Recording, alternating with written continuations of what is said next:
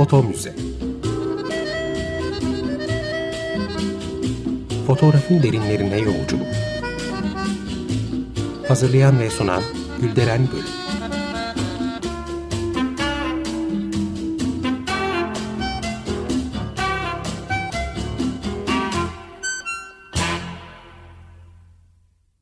Merhaba değerli dinleyiciler.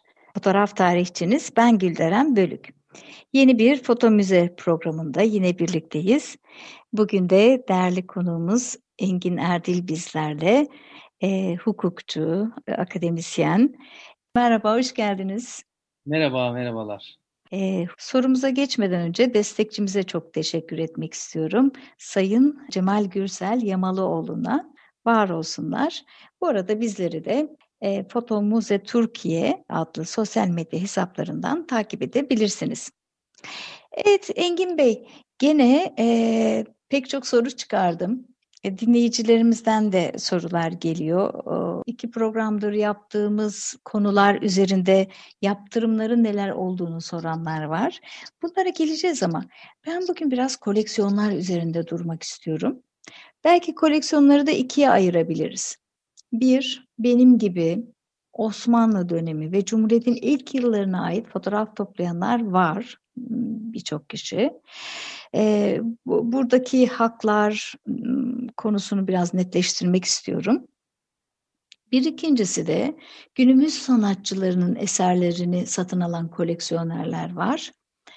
Ee, yani bunları birbirinden ayırmak ne kadar doğru onu bilmiyorum ama iki bağlamda da ele alabiliriz.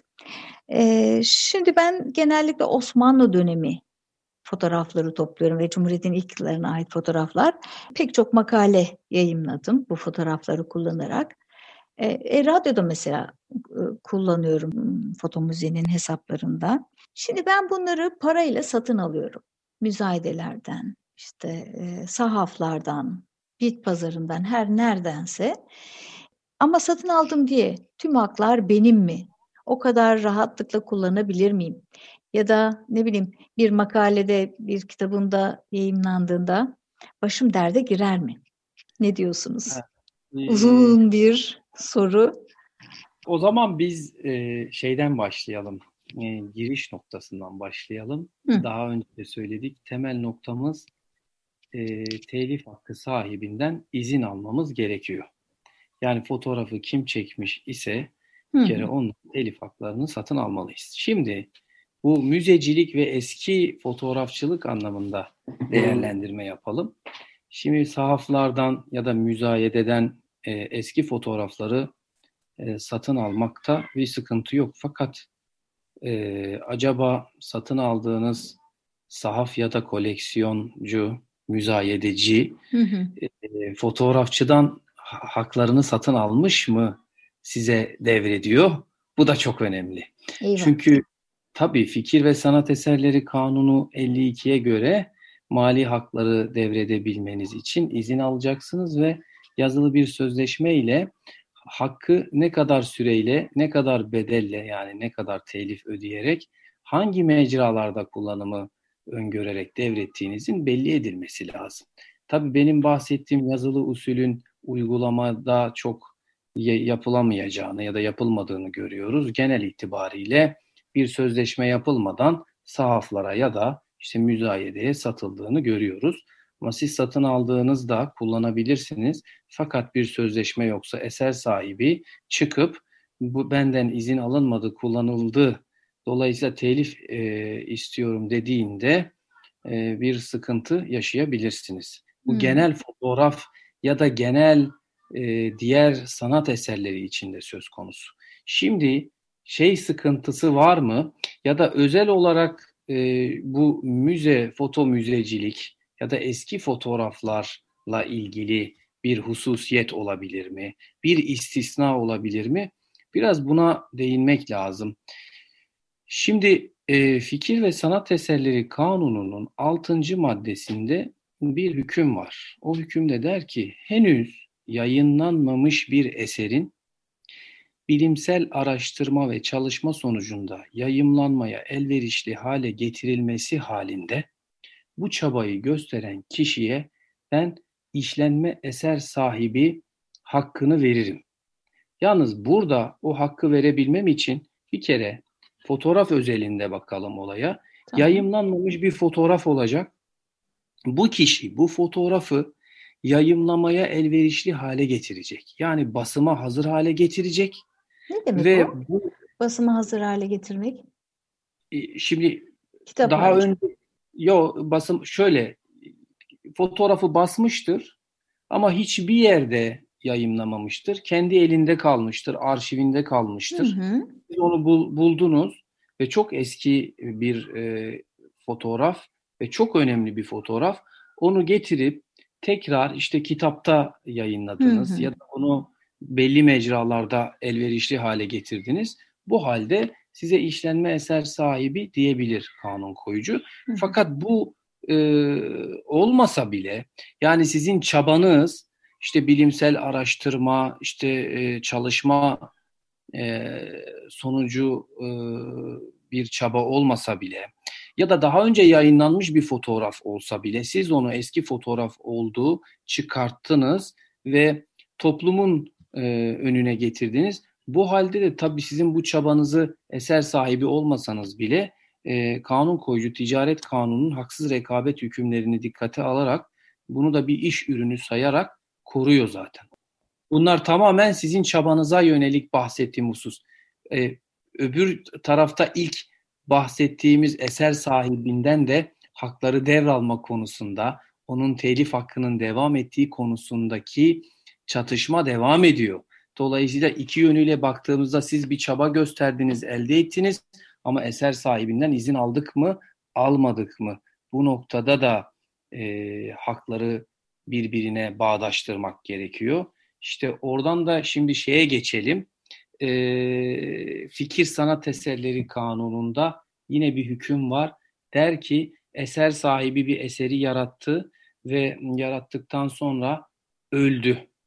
Ölümü tarihinden itibaren 70 yıl geçmiş ise o eser üzerindeki mali haklar serbesttir. Herkes kullanabilir. Hı. Dolayısıyla sizin bu Osmanlı dönemi ta, e, fotoğrafçılığı ya da Cumhuriyet dönemi fotoğrafçılığı ya da fotoğrafı dediğiniz fotoğraflar bu tarz fotoğraflar ise yani eser sahibinin ölümünden itibaren 70 yıl geçmiş ise siz zaten mirasçılardan, yakınlarından izin almadan kullanabiliyorsunuz. Hı Bir de burada şöyle bir durum da var. O fotoğrafın içinde başka kişiler vardır, tasvir edilenler vardır. Acaba Evet o kişiler e, ölmüş ise ne olur? E, bu durumda da biz yine serbestçe kullanabiliyor muyuz? Bakın eser sahibi ölünce 70 yıl geçince mali hakkı kullanıyorduk. Peki tasvir edilen kişi ölmüşse kaç yıl geçince kullanacağız? Ya da kullanabilecek miyiz?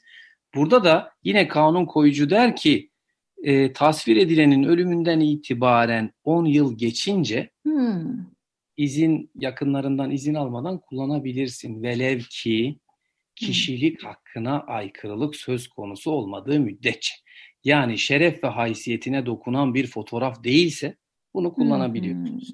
Yani sınırlar aslında konulmuş durumda ama o kadar iç içe geçmiş hak çatışmaları var ki hangi olayda hangi taraftan yana e, tavrımızı belli edeceğiz? Bu tamamen somut duruma göre netleşecek. Hı. Tam baştan bir şey söylenemez.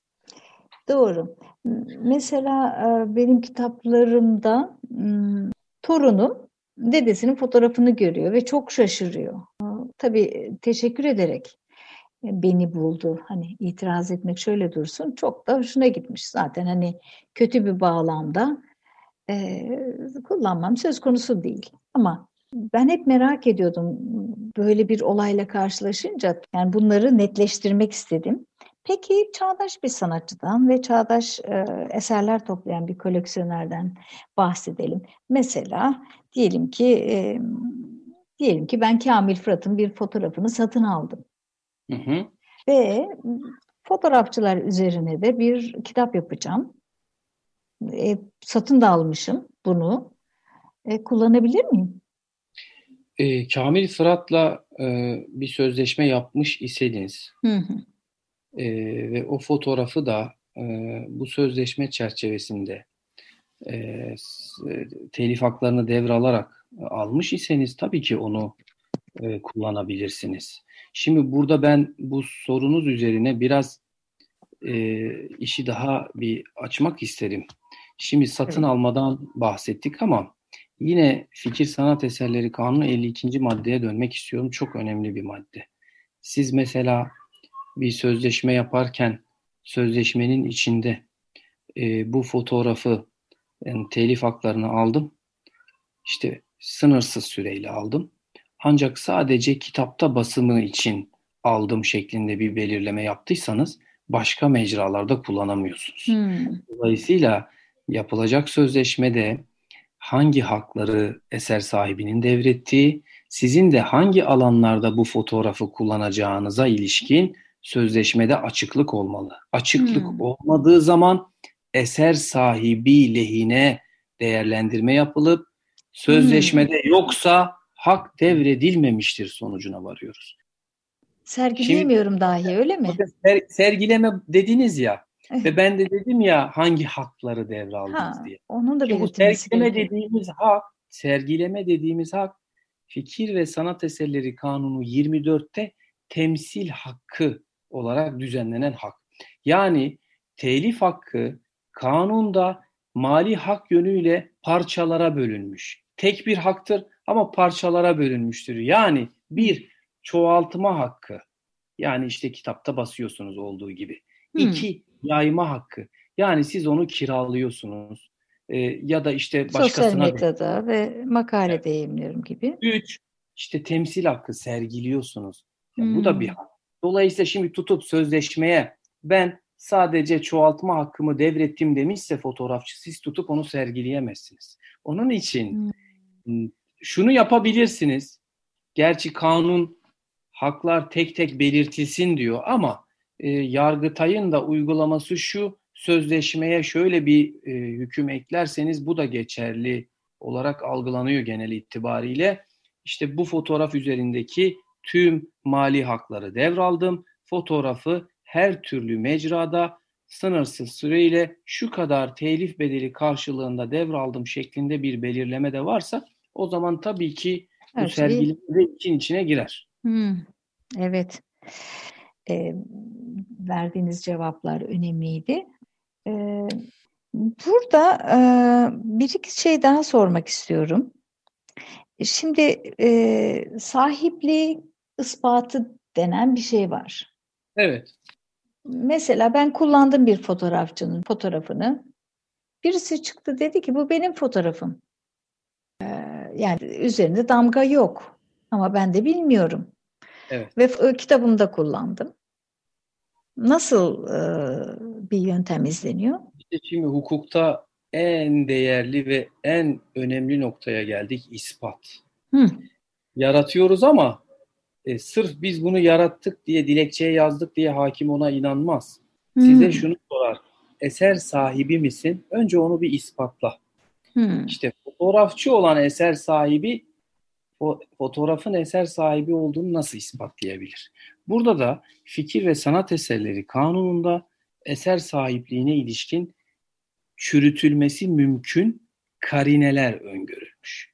Bu çerçevede hareket ediyoruz Mesela der ki kanun yayımlanmış eser nüshalarında veya bir güzel sanat eserinin aslında o eserin sahibi olarak adını ya da tanınmış müstear adını kullanan kimse aksi sabit oluncaya kadar o eserin sahibi sayılır. Demek ki temel nokta şu, fotoğrafın üzerinde eser sahibi olarak belirtilmiş misiniz, belirtilmemiş misiniz? Bir ona bakarız. Ama bu sadece fotoğraf için e, fotoğrafın üzerinde olması anlamında söylemiyorum. Bu fotoğraf bir ajandada, bir takvimde, hmm. bir internet sitesinde de yayınlanmışsa ve sizin eser sahibi olduğunuz yazıyorsa yine bu karine gerçekleşmiştir. Siz karineten eser sahibisiniz. Sizin yüklediğiniz, sizin bastığınız tarihten önce bu fotoğrafın eser sahipliğine ilişkin bir delil ileri sürülmediği müddetçe siz o eserin sahibi sayılıyorsunuz. Yani birinci hmm. ispat noktası bu. İkinci nokta şu, bizim kanunumuzda sınai mülkiyet denen işte marka patent tasarım şeklindeki hakların tescili, zorunlu tescili usulü var. Onlar tescil edilmediği müddetçe e, hak sahipliğine ilişkin koruma çok zayıf kalıyor. Fakat fikir sanat eserleri kanununda bir eseri koruyabilmek için tescil zorunluluğu yok. Yani siz gidip bir kuruma başvurup onu tescil ettirmediniz. Dolayısıyla eseriniz korunmadı ya da eser sahibi siz değilsiniz diye bir sistem öngörülmüş değil. Ancak isteğe bağlı kayıt sistemi söz konusu. Bu da Kültür ve Turizm Bakanlığı Telif Hakları Genel Müdürlüğü bünyesinde ispat kolaylığı sağlaması açısından sizin yapacağınız başvuru üzerine e, bu genel müdürlük e, sizin e, eser sahibiyim şeklindeki beyanınızı alır ve kaydeder. Dolayısıyla ileride bir dava olduğunda Hı. eser sahibiydim, şu tarihte de genel müdürlüğe kaydımı yaptırdım, buyurun sorun e, genel müdürlükten kayıtlar gelsin dediğinizde e, tarih itibariyle o eserin sahipliğine ilişkin bir ispat vasıtası elde ediyorsunuz. Hmm. İkinci ispat vasıtası bu. Üç, ne yapabiliriz? Şunu da yapabiliriz. Fotoğrafı çekeriz. Fotoğrafın görüntüsünü notere götürürüz. Notere deriz ki bir tespit yapmak istiyorum. Ben size geldim. Bugün fotoğrafımı getirdiğimi ve eser sahibi olduğumu beyan ettiğimi tespit olarak yazın. Bana tutanak olarak verin. Noter de o fotoğrafın görüntüsünü o beyana ekler, imzalar size verir. Bunun amacı şudur. Şu tarihte bu fotoğrafın sahibi benim iddiasında bulunuyorum ve bu tarihten önceki bir tarihte tutup da eser sahipliğini başkası ispat edemezse ben karineten yine eser sahibiyim diyebilirim. Bir ispat vasıtası daha yarattım. Daha başka nasıl yapabilirim? İki tane mailimden mailleşmeyle e, fotoğraflarımı aktarabilirim. Ve e, dava açtığımda da elimde Nereye sadece... aktarıyorum? Ya bir mail, iki tane bir Gmail mailim var, bir de Hotmail'im var. Tamam. Gmail'imden diğer mailime fotoğrafımın görüntüsünü atıyorum. Ve sonra dava açtığımda da diyorum ki şu tarihte bu fotoğrafı ben iki mailim arasında paylaştım. Bilgisayar mühendisi bilir kişi bu paylaşımları o tarihte yaptığımı e, tespit ederse benim o tarih itibariyle eser sahibi olduğumu görürsünüz diyebilirim. Aa, yani burada tarih e, önceliği çok önemli. Devreye tabii. girmiş oluyor. İlginç. Ee, sonra e, şey oluyor bazen fotoğraflarda mühür ya da işte yayın damga. damga damga olabilir. O da bir ispat vasıtası sayılır. Bir de fotoğrafın negatifinin aslının işte elinizde bulunması da bir ispat vasıtası olarak değerlendirilebilir. Hmm. Çok önemlidir ispat. Dolayısıyla fotoğraf ya da işte güzel sanat eseri ya da fikir ve sanat eseri sahiplerinin ispat noktasında çok dikkatli davranmaları lazım. E, eserlerinin sahibi olduklarını ispat edemezlerse açtıkları davalar e, kaybedilme riskiyle karşı karşıya bırakabiliyor hmm. maalesef. Ee, bir hak e, elde edeceğim derken tam tersine e, evet, bir de mahkemenin e, ücretlerini ödemiş olabilir. Evet. Doğru. Doğru. Peki e, bir de biraz da yaptırımları konuşmak istiyorum. Evet. Doğru. Şimdi bir e, dinleyicimiz sormuş yaptırımlar neler diye. E, yine e, son zamanlarda gündemde olan bir m, dava vardı. Sosyal medyada birisi e, kendi eserini paylaştı diye davalar açıldı. Ve kazandı da. Yani sadece bir kişinin eserini sosyal medyada paylaştık diye e, dava açıldı ve siz de dediniz ki bunun üzerine ama ticari amaçlı bir şeydir, hesaptır o. E, varsayalım ki ticari amaçlı bir hesap olsun. Mesela benim bir butiğim olsun. Kıyafetler paylaşıyorum ve yani bu hesap üzerinden satış yapıyorum. Ama çok hoşuma giden bir ressamın da e, eserini paylaştım ya da bir karikatüristin ya da bir fotoğrafçının paylaştım. Ama ben orada şunu gösterebilir miyim? 50 tane ya da 100 tane like almış. e, viral de olmadım sosyal medyada. Evet bu ticari bir sistem ama yani sonuçta sadece de ürün paylaşmak olmuyor. E, sevdim ve paylaştım diyemez mi? Şöyle e, çok hassas olunan nokta Evet. şu.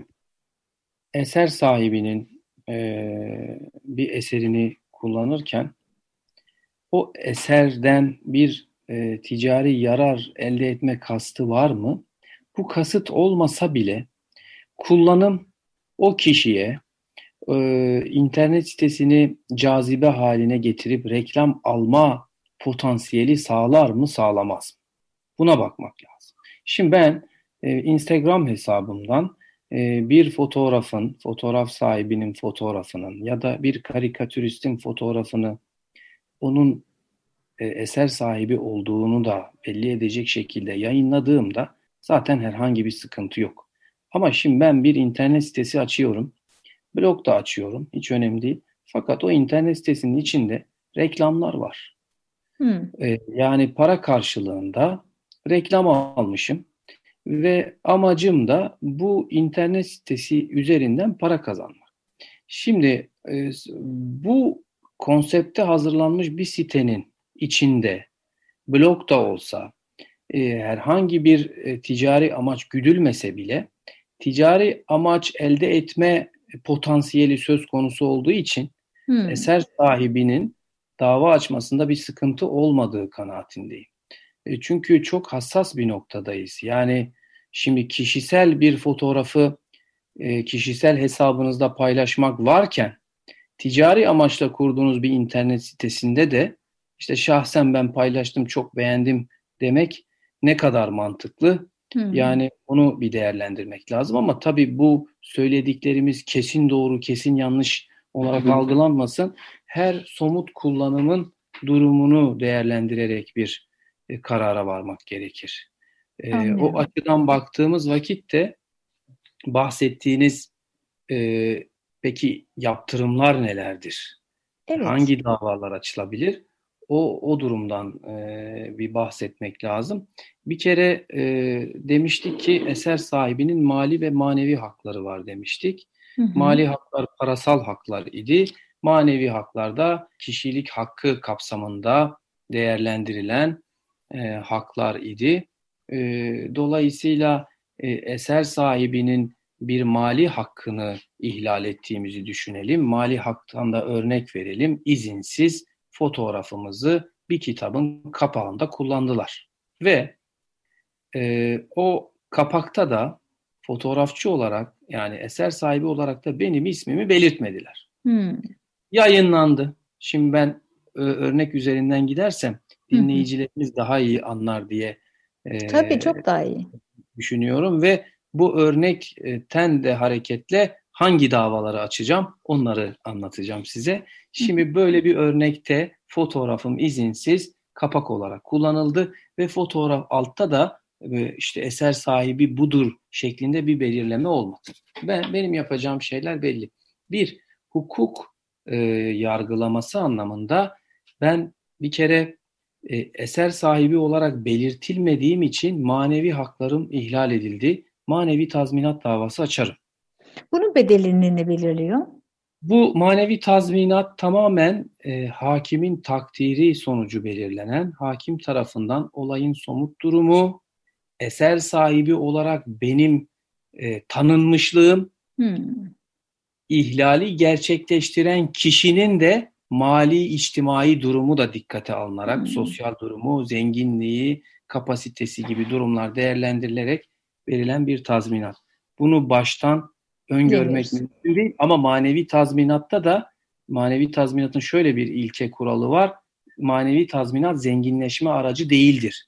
Maddi Hmm. tazminat gibi değildir. Sadece kişilik haklarım elem ve ızdıraptan dolayı, üzüntüden dolayı harap oldu. Bunu bir nebze de olsa gidermek amacıyla öngörülen bir tazminat. Hmm. Şimdi somut olarak örnek karşılaştığımız vakalar anlamında baktığımızda da bu tarz bir e, kitapta kullanılmada e, yaklaşık olarak 5 bin ila 10 bin lira arası bir manevi tazminat alma e, hakkım olacaktır. Hı. Geliyorum mali hakkım ne ihlal edildi? Bir kere kitap kapağına basıldı. Basmak Fikir Sanat Eserleri Kanunu 22 anlamında çoğaltma hakkının ihlali, benden izin alınmadı. Ben maddi tazminat da isteyebilirim. Bu maddi tazminatı nasıl isteyebilirim? Burada da seçenekler var. Hı. Bir, ben Canımın ben istediği kadar. O şekilde değil. Seçenek olarak e, seçeneklerim var ama canımın istediği şekliyle. kadar değil yani. Peki. Değil. Şimdi ben fikir sanat eserleri kanun 68. maddeye göre benimle sözleşme yapmış olsaydı e, benim alacağım telif bedelinin 3 katını talep edebiliyor. Cezalandırma 3 katı hmm. biliyorum. Benle niye sözleşme yapmadın? İzinsiz kullandın. Dolayısıyla ben benimle sözleşme yapmış olsaydın 5 bin lira alacak idiysem 15 bin lira talep edebiliyorum. 3 hmm. tazminat hakkım var. Şimdi yine de burada tespit nasıl yapılır? Yani bu fotoğrafın telifi nedir anlamında değerlendirme yapılacak olursa da e, orada da e, şeyde sektörel anlamda telif bedeline göre bir değerlendirme yapılır. Bunun dışında maddi tazminatta kar kar kaybı nedeniyle bir tazminat talebim olabilir hı hı. ya da karşı tarafın elde ettiği karın iadesini isteyebilir.